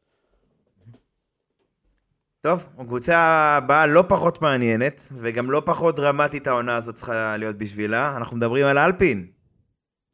מי- מישהו, מי ששכח, אנחנו נזכיר למאזינים היקרים שלנו שאלפין בבסיסה קבוצת יצרן, זה אומר שאנחנו צריכים לשפוט אותה בדיוק באותם קריטריונים של פרארי, רדבול ומרצדס. יש לה גיבוי של רנו, יש לה ניקוי אורוות שהם עשו שפיטרו חצי עולם שם לפני יומיים. אבל אה, אלפין גם, זו קבוצה שהיא היא רצה עם אותה שילדה מ-2019. ב-2019 הם המשיכו עם השילדה הזו ל-2020. 2020 הביאה איתה את ההקפאה בעקבות הקורונה. זאת אומרת, הם עם שילדה בשנתיים ומנוע שטרם עבר לפתרון של מרצדס והוא צפוי לעבור השנה. אז הציפיות ממנה, מבחינתי לפחות, הן גדולות.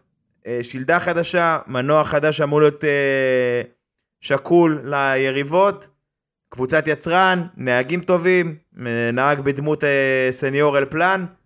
אין שום סיבה שאנחנו לא, אתה יודע, שאנחנו לא נראה אותם גם אה, מתחרים מפרארי. עכשיו, יש סיבה אם הם יפשלו בתקנות, כן? אבל באופן כללי, אני אומר, אני חושב שהציפייה מהם צריכה להיות אה, יחסית גבוהה מאשר מה שמצפים מהם. כי להיות במידפילד ולהתחרות על המקום החמישי ביצרנים ובפוקס להגיע אליו, אני לא חושב שזה מה שהם צריכים לשאוף אליו.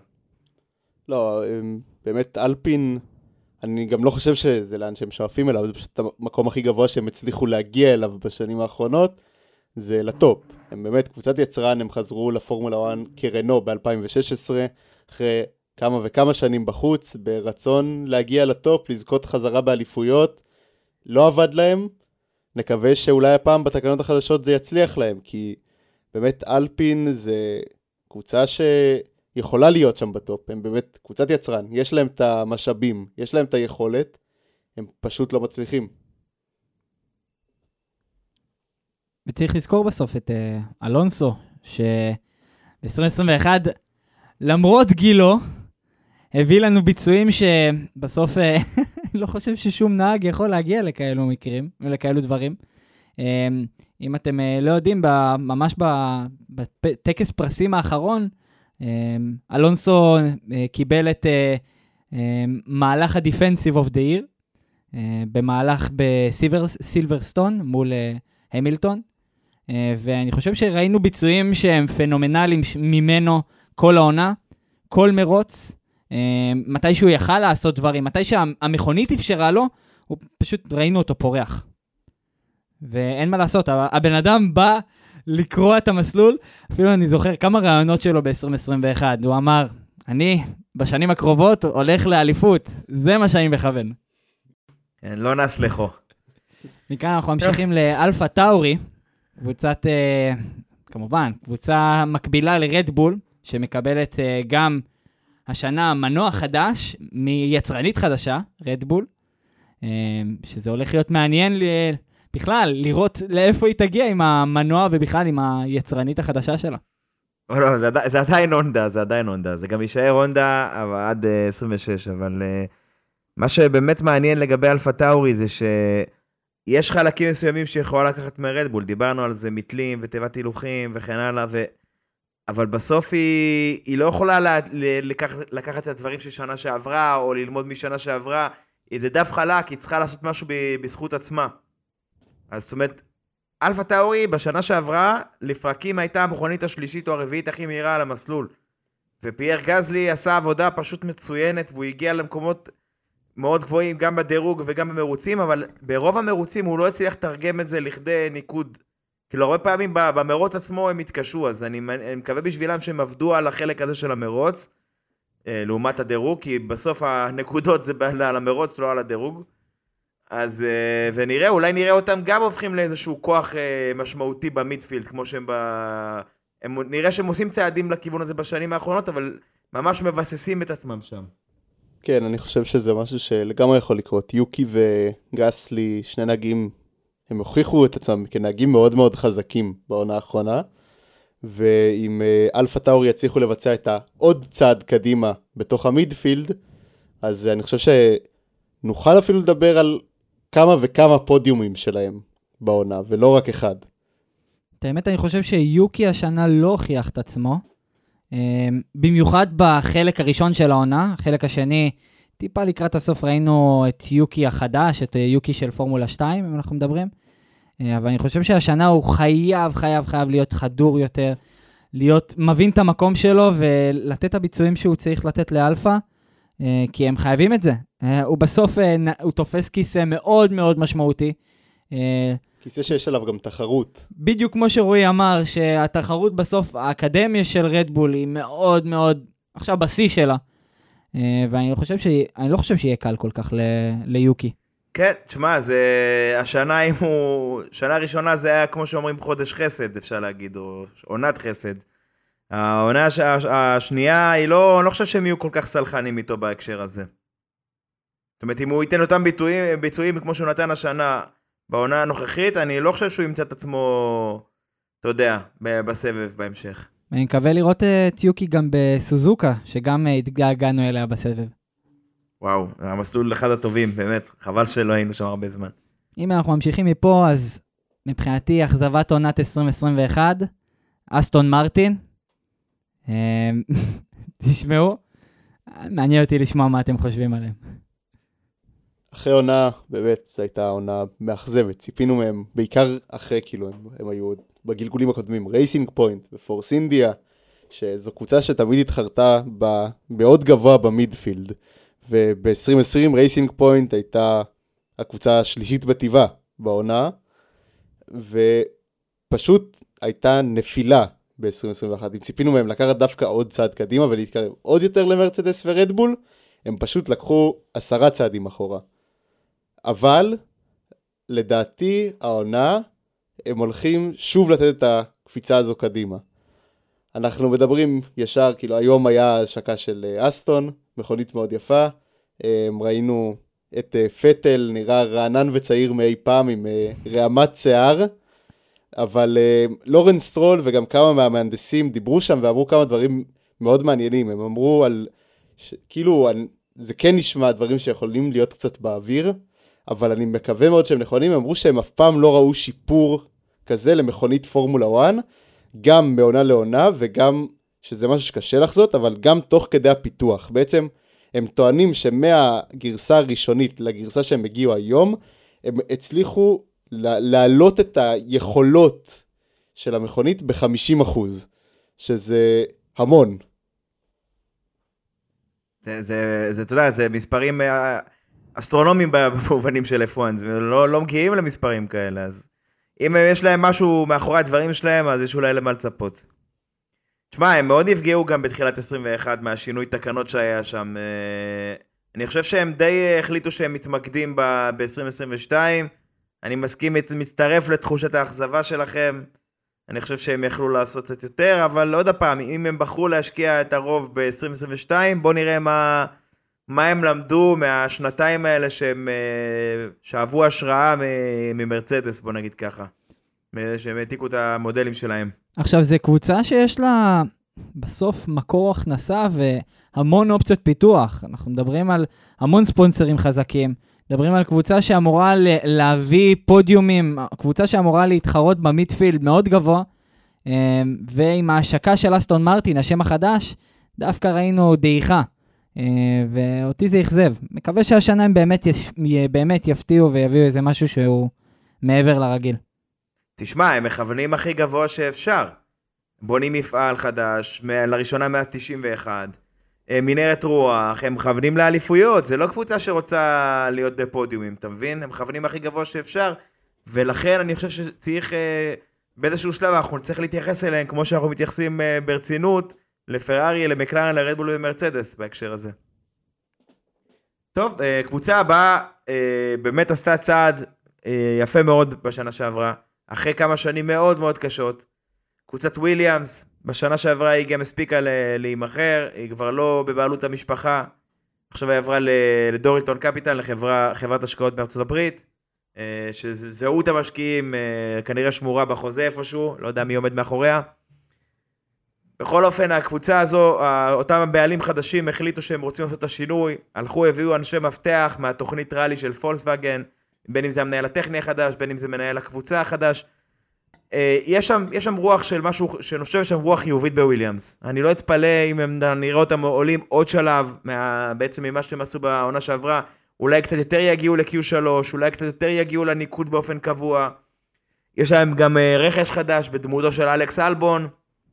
אני לא זוכר בדיוק האם הקשר בינו לבין רדבול נשמר, האם הוא יבוא לידי ביטוי במיתוג על הקסדה או דברים כאלה, או שזה, אתה יודע, או שהוא ניתק את הקשר איתם, למיטב הבנתי, הקשר הזה נשמר, אולי רועי יודע, אבל אה, רועי, מה, מה אתה אומר על זה? כן, אה, בעצם אלבון נשאר נהג של רדבול, פשוט בוויליאמס. אם אה, דיברנו על נהגים שיצטרכו להיות רעבים כדי להגן על המקום שלהם בתוך רדבול, אני חושב שאם אה, אלבון ייתן לנו עונה טובה, עונה הבאה בוויליאמס, הוא לגמרי שוב בדיבור על כיסא ברדבול, או לפחות באלפה טאורי. אה, והוא בא רעב, הוא רוצה להוכיח את עצמו, אה, הוא בעצם ברדבול הוא מאוד התקשה, ואז בעצם מאוד התאכזבו ממנו כביכול, אבל לא היה לו ממש סיכוי להצליח שם בסביבה מאוד לוחצת על ההתחלה. מעניין לראות אותו בסביבה שקטה פתאום, סביבה שמאוד תומכת בו, משהו חדש שקורה בוויליאמס, משהו טוב. אני חושב שאם יש לו זמן לפרוח, זה עכשיו. בקיצור, הוא צריך לעשות סיינס, זה מה שאתה אומר. כן, מה שסיינס עשה לנו השנה בפרארי, פתאום אה, אנשים גילו את הנהג הזה, אתה יודע שאנחנו מדברים עליו כבר כמה שנים, שאתה מייחצן אותו פחות או יותר. אז אה, אתה יודע, אז אה, הוא צריך אה, ל- להביס את לטיפי בצורה מאוד משכנעת, הייתי אומר. כן, זה... אם הוא יעשה את זה, ואני לא בטוח שהוא יעשה את זה, כי גם לאטיפי בפני עצמו כן הראה אחלה יכולות עונה שעברה באופן יחסי. אז אני חושב שיהיה מאוד מעניין לראות מה אלבון יוכל לעשות העונה. טוב, יש לנו לסיום שתי קבוצות אחרונות. אה, הקבוצה אולי גם לא, לא, לא, הכי, לא הכי פשוט אה, הולך לה בשנים האחרונות, אנחנו מדברים כמובן על אלפה רומאו. אלפה רומאו גם מגיעה עם סגל חדש לגמרי, היא בעצם נפרדה מקימי רייקונן שהחליט אה, לפרוש, ואנטוניו ג'ובינאצי שהחליטו להפריש אותו, והוא הלך לפורמולה E. יש לנו סגל חדש, ולטרי בוטאס, גואניו ז'ו, גואניו ז'ו נהג סיני ראשון בסבב, זה הישג מאוד משמעותי, הביא איתו ספונסרים לרוב, התעניינות גדולה מאוד, הוא יצר התעניינות גדולה מאוד ב... בקרב סין ב... ב... בסבב, זאת אומרת יכול להיות שאנחנו נראה פה השקעות בקנה מידה שעוד לא ראינו פה, כי המדינה הזו זו מדינה שיש לה את הכסף, יש לה את האמצעים לבוא להשקיע את הדברים האלה, והיא רוצה לפרוץ, היא רוצה להשפיע בעולם, ובואו נראה איך זה ישפיע, מה אתם אומרים אבל בהקשר התחרותי, מה הציפיות שלכם מאלפה רומאו לעונה הקרובה? אני אה, חושב שאלפא, יהיה להם מאוד קשה העונה, אני חושב שהם ממש יהיו אפילו הקבוצה הכי גרועה על הגריד, אני מקווה שאני טועה, אבל אני חושב שאפילו האס הולכים לעקוף אותם העונה. הם, הם באמת בדעיכה כבר כמה שנים, הם לא מצליחים uh, להתעלות, אני מאוד מקווה שאני טועה, אבל נראה לי שגם בליינאפ החדש לא יצליח להביא איזה שינוי או בשורה חדשה. Um, וכן, אני חושב דווקא אולי שזה כן יגרום למשהו טוב בסוף, שנראה איזה סאובר חזרה. שמעו, אני מאוד מקווה. אני חושב שא', דבר ראשון, אנחנו מקבלים כאן את בוטאס מחוץ למרצדס, שזה כבר משהו שהוא מבחינת בוטאס נראה לי הולך להיות מאוד משמח. אה, לקבל את הכיסא של מקום ראשון, אם נקרא לזה ככה, של הנהג הבכיר, הנהג המבוגר יותר, בעל הניסיון. אה, אני חושב שבוטאס מאוד ישמח לגבי זה, אבל הוא יצטרך להוכיח את עצמו. ואם הוא יציג בעצם נתונים כמו שהוא הציג אה, של, במרצדס השנה ושנה שעברה, אנחנו נראה את גם סאובר בדעיכה. ואין מה לעשות, אני חושב עם כל הכבוד, בסוף גואניו ז'ו מביא כאן אחלה של ספונסרים, אבל אני חושב שגם בוטאס, ובכלל, גם הקבוצה הזאת צריכה להביא משהו מאוד חזק לקראת 2022, בכלל, לקראת העונות הבאות, כי אני באמת רואה אותה ממשיכה ב... אה, סוגרת את ה grid, אה, אם היא לא תביא משהו יותר טוב ממה שהיא הביאה בשנים האחרונות. בקיצור, אתם הספדתם את האלפה רומאו, אני מבין שהספדתם אותה. אני, זה, אני רק מזכיר לכם שזה מוקלט, אחרי שגואניו ג'וי בפול פוזיישן בבחריין, נחזור להקלטה הזאת. אני, אני, באמת אני מקווה שכן, אבל אה, קשה פשוט לראות. אחרונה חביבה, קבוצת האס, עוד קבוצה ש... שהרבה דברים שותפים לה ולפרארי, וגם העניין הזה של עליות או לחדול, אני חושב שאצלה זה אפילו יותר קריטי, כי קבוצה יותר קטנה, כן? אבל השנה הזאת היא באמת אחרי כמה שנים מאוד מאוד קשות, הם השקיעו בתקנות האלה הרבה. אני הייתי רוצה לראות אותם חוזרים למה שהם היו ב-16-17, מידפילד חזק, מתחרים על המקום הרביעי ביצרנים, שלישי ביצרנים, אתה יודע, אה, כאילו עושים הרבה מעבר לתקציב שלהם, כמו שרייסינג פוינט היו, כמו שפורס אינדיה הייתה. היה מאוד כיף לראות אותם בעונות האלה, ואני באמת, אה, האס, אני מקווה ואני גם מאמין שהעונה תבוא הקפיצה.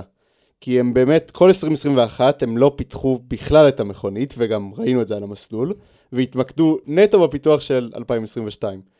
ואני חושב, יש להם צמד נהגים אה, מקשום אחר, מאוד מוכשר, אה, הבן של, קשה להיות אה, לא מוכשר כשאתה הבן של אגדה כל כך גדולה, וגם אה, ניקיטה מזפין, ואני חושב שאנחנו נראה אותם חזרה, אמנם כנראה במידפילד הנמוך למטה, אבל אני כן מאמין שהם יסיימו אפילו, יסיימו כמה פעמים בנקודות. זה לא יהיה מרוצים ביניהם, בין אה, מיק ומזפין, אה, מי מסיים במקום ה-19. שמעו, אה, מבחינתי אס זה מעבר להכל להיות או לחדול. הרבה פעמים ברעיונות, הרבה פעמים גונטר אמר, שמעו, אנחנו לא לעונה, אנחנו מתכוונים לעונה הבאה, ואני לא מדבר על 2021, אני מדבר כבר על 2020 וגם 2019. Uh, ואני חושב שהם צריכים להוכיח בסוף את כל הזמן הזה שניתן להם, uh, כי בסוף, uh, לאבד גם ספונסרים רציניים כמו ריץ'... לא, לא, אנחנו לא נגיד ספונסר רציני וריץ' באותה משפט, אנחנו לא נגיד את זה. כן, כן, אבל אתה צודק, האובדן הספונסרים הוא מאוד, הוא ניכר. המכונית שהושקעה עכשיו היא פחות יותר ריקה. כאילו, אין עליה כמעט כן, שום דבר. יש לנו רק את אה, אור אלקאלי של אבא מזפין, וזהו. במרחק, כמובן, בסוגריים אבא מזפין. אמ, אבל אה, כן, אני חושב שבסוף ההשקעה כאן הייתה גבוהה מאוד, של אס לקראת 2022. אה, אמ, אני ב- בכל, בכל, באמת, בכל המחשבות שלי, אני חושב שיש כאן קבוצה מאוד רצינית שבאה לעשות את העבודה, אה, והיא תבוא, אני, אני מאמין שהיא תהיה מידפילד. יכול להיות שמעל המידפילד, הלואו מידפילד, כמו שרועי מדבר, אה, כי בסוף, אין מה לעשות, היא שמה את כל, כל, כל הכוח שלה לקראת העונה, אה, וכך נראה לי גם היא, היא תבוא ו- ותנסה להגיע אליה. אני רוצה לתת גם איזה ניחוש קצת אה, אולי פרובוקטיבי, אבל לדעתי, ואני פתאום בימים האחרונים, אני חושב על זה לא מעט, אני חושב שמזפין, מעבר לזה שהוא הולך לתת קפיצה ביכולת השנה, אני חושב שאנחנו נראה אותו יותר. בפורמולה 2, כן, אפשר להגיד הרבה דברים על מזפין, הוא נהג מלוכלך, האישיות שלו לא מדהימה, הוא מגיע נטו בגלל הכסף, אבל בפורמולה 2 הוא כן נראה אחלה יכולת בהרבה מרוצים. הוא ניצח מרוצים, הוא סיים לא מעט פעמים על הפודיום, בפול פוזיישנים, ויהיה מאוד מעניין לראות אותו במכונית שקצת יכולה להתחרות על משהו.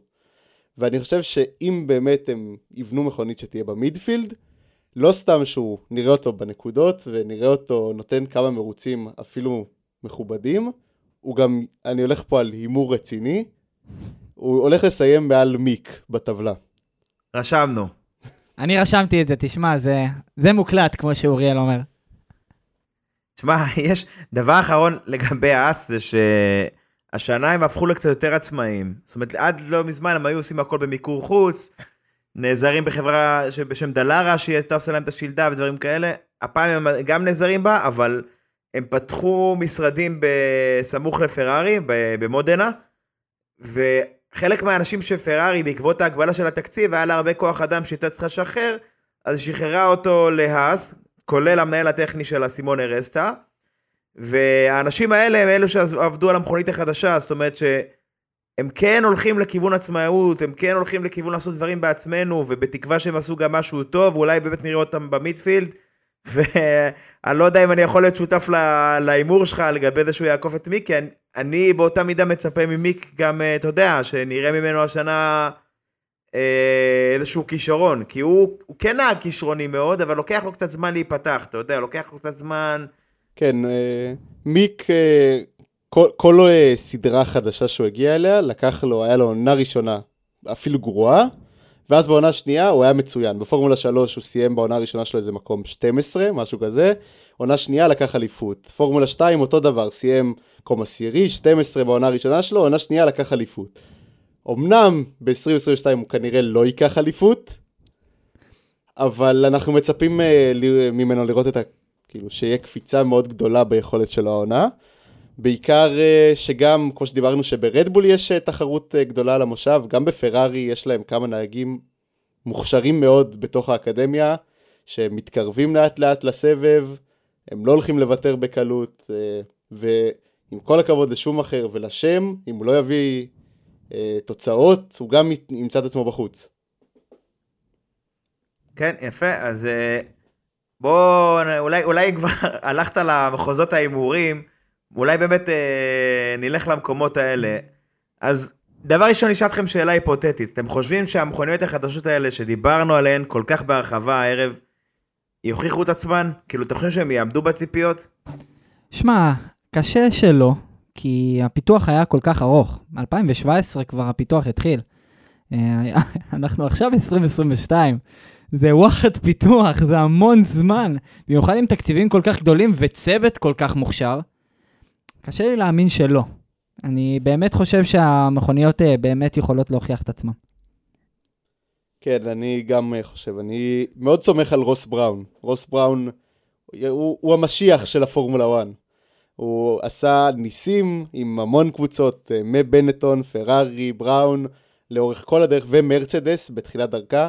כל קבוצה שהוא הגיע אליה, הוא הקפיץ שם את הרמה, הוא הראה שיש לו את הידע הטכני בצורה פשוט מדהימה. אני חושב לא... שגם את ההצלחה של מרצדס הנוכחית אפשר לזקוף לזכותו. אם הוא לא היה דוחף אותם בתחילת הדרך, הוא וניקי לאודה בתחילת הדרך שהם ב-2010, הם לא היו מגיעים לאן שהם הגיעו היום ומשקיעים את מה שהם השקיעו. אני חד משמעית מסכים. Uh, ההצלחה של מרצדס לגמרי, חלק גדול ממנה נזקף לזכותו, ואני מאמין שהנה, נתנו לו להוביל את הצוות הזה של התקנות החדשות. אני חושב שאנחנו הולכים לראות, אני גם מקווה, שאנחנו הולכים לראות משהו מדהים עונה הבאה. שעונה הבאה באמת יהיה לנו סוף סוף נחזור לעקיפות על המסלול, נחזור לדברים כיפים. למרוצים שלא מסתכמים במלחמה בין אה, לואיס ומקס, אה, או 60 הקפות שאין כלום, ואז שלוש הקפות אחרונות מעניינות, אלא נראה משהו אמיתי. טוב, נקווה. אז בואו בוא נתעסק כאילו אולי כמה הימורים באמת uh, קצרים. מי לדעתכם תהיה פריצת השנה? לא משנה אם זו קבוצה או נהג ספציפי, תבחרו אחד, כאילו, לא חשוב מה.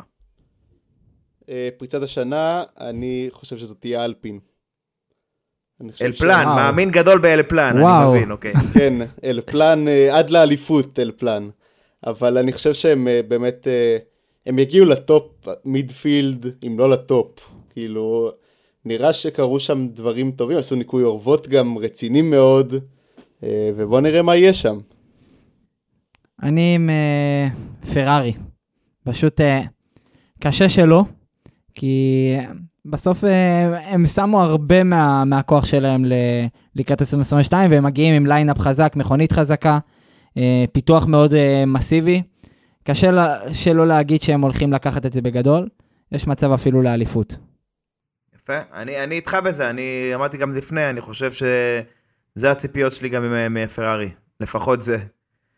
מה הרגע מבחינתכם, מי הולך לאכזב אותנו ברמה של אסטון השנה? מבחינתי, אני חושב שאלפה טאורי, אה, כן. אני חושב שבסוף המומנטום הטוב של רדבול ייפסק. הם יחזרו למקום השלישי שלה, אה, שלישי רביעי, המיטפילד אה, עליון, ואלפה טאורי תחווה איזה נפילה רצינית. אה, כתוצאה מכך, אני הולך בגישה כזאת, כי אני רואה גם את צוות הנהגים, בסוף אה, פייר לא יציב, ראינו, ראינו את זה עונה שעברה. אה, לעומת 2020, שבאמת היה לו אחלה הברקות, השנה שעברה המכונית לא יכלה להביא הרבה ספק, וגם הוא לא כזה היה יציב. אה, ובסוף יוקי סונודה, שלא היה בכלל ב-2021, אני חושב שאם הם יפתחו גרוע את העונה, וזה מה שאני חושב, הם אה, ימשיכו ו- ויהיו גם כישלון העונה. יש שני נהגים שאני מאוד מפחד שיחשבו בסוף העונה לאכזבות, וזה ג'ורג' ראסל ולנדון נוריס. שניהם מגיעים, ראסל במרצדס מקבל סוף סוף את הכיסא שהוא כל כך חיכה לו בקבוצה ה top של ה top. אה, לנדו אחרי עונה פשוט מדהימה במקלרן, הציפיות מהם בשמיים, הכישרון גם בשמיים. הם לגמרי יכולים לבצע עוד קפיצה, אבל יכול להיות שאיפשהו הם קצת ייתקעו העונה, ואני מאוד מקווה שזה לא יקרה, אבל יש מצב. יכול להיות שג'ורג' ראסל לא יצליח להביא במרצדס מה שכולנו מצפים ממנו. כאילו אנחנו מצפים שהוא יתחרה על ניצחונות, יתחרה אפילו על אליפות כבר העונה. לא יודע, לא בטוח. טוב, האירוע האחרון שהייתי רוצה לשאול אתכם עליו זה מה תהיה הפתעת השנה במובן של כמו שאוקו ניצח בהונגריה. משהו שאם אתם אומרים לי אותו עכשיו, אני, אני לא חותם עליו, בחיים כאילו. אני חושב שאתה תתחיל עם זה. אני אתחיל עם זה. וואה. ניצחון של קרלוס סיינס. כל כך הפתעה, אני חושב שזה דבר ברור לעונה הבאה. לא, תקשיב, אתה, אתה, צריך- אתה, אל תשכח את הלוחש לגרוטאות, אדון אה, לקלר היקר. הוא ברגע שיהיה לו מכונית תחרותית, זה לא יהיה פשוט. זה בן אדם שלקח פועל במונאקו, יכל לנצח גם שם. כן, אז אה, הוא... בהנחה שמה שחשבנו יקרה, ואנחנו לא יכולים לדעת, אם יהיה שישה נהגים שיכולים להתחרות על ניצחון, אז סיינס יצטרך לגבור על כולם, זה לא כזה פשוט. אנחנו מדברים פה על הנהגים הכי טובים שיש. כן. אני חושב, אירוע מפתיע אם יקרה, ואני מקווה מאוד שהוא יקרה, אם מדברים על ניצחונות של נהגים, אה, נהג ששנה שעברה הצליח להגיע לפודיום, אל פלן, פרננדו אלונסו. וואו, לא, ניצחון של אלונסו זה לפרוש, זה פשוט לפרוש. כאילו אין, מקפלים הכל, זהו. אני חושב שכאילו הניצחון האחרון של אלונסו היה ב-2012, עשר שנים, 13, כן, ספרד 13. ספרד 13, וואו, וואו. כן, זה רחוק, המון רחוק, אחורה, רחוק, רחוק. ואני רוצה לראות את זה קורה שוב. כן, אני חושב שאתה הרבה, הרבה שותפים לרצון שלך כרגע. מה אומר עמית? מה, מה יפתיע אותנו? תן לנו משהו שאין מצב שיקרה. טוב, תשמע, זה, אני חושב שזה יקרה. אם באמת הם יוכיחו את עצמם, אז uh, מזפין הולך לפודיום. כן, כמו ששמעתם. אם זה קורה, אה, אה, מאזינים יקרים, כל מי שמקשיב לנו, אם זה קורה, אנחנו מקפלים את הסיפור פה והולכים הביתה. לא, לא, אני באמת מאמין. אם אז באמת יביאו אה, תוצאה שהם באמת אה, בסוף אה, הודיעו לכולם שהם יעשו, אז בסוף נהג אגרסיבי כמו מזפין יכול לקבל רכב שהוא יכל להתחרות בו, אה, ויכול להיות יגנוב אה, באמת פודיום עם איזה סייפטי קאר ואיזושהי מחשבה מאוד חז, חזקה של אס, ובאמת אני מאמין בזה. טוב, לא נתן לנו עוד הרבה זמן לחכות ולראות, ואנחנו ככה נמשיך לעקוב גם אחרי ההשקות, גם אחרי המבחני קדם העונה שיהיו, ולעדכן אתכם כמובן. אז באמת, אה, זה היה הפרק שלנו על 2022. תודה רבה לרועי בן יוסף, האורח היקר שלנו שהצטרף ונתן את הזווית שלנו. נהניתי מאוד. תודה לעמית. תודה, תודה לך אוריאל, היה ממש ממש כיף. אני מקווה שכולכם גם נהנתם. אתם מוזמנים אה, כמובן לדף הפייסבוק שלנו, אה, פורמולה 1 בעברית. כמובן, אנחנו נמצאים בכל פלטפורמות ההאזנה של הפודקאסטים, ספוטיפיי, אפל פודקאסט, גוגל פודקאסט, וחדש מהתנור, יוטיוב. מוזמנים גם לשם, מי שזה נוח לו וכיף לו, מוזמנים גם להגיע ליוטיוב ולהאזין. אמ, זהו, אוריאל, מה אתה אומר לנו לקראת סיום? זהו, היה לי כיף מאוד. רועי, תבוא יותר. אני בטוח שגם הקהל יחשוב ככה, אני מקווה לפחות. אה, אנחנו תלויים לא רק בך, גם תלויים בצה"ל לצערי. אז אה, זהו, תודה רבה לכם על הפרק הנהדר הזה, ועד הפעם הבאה. יאללה ביי.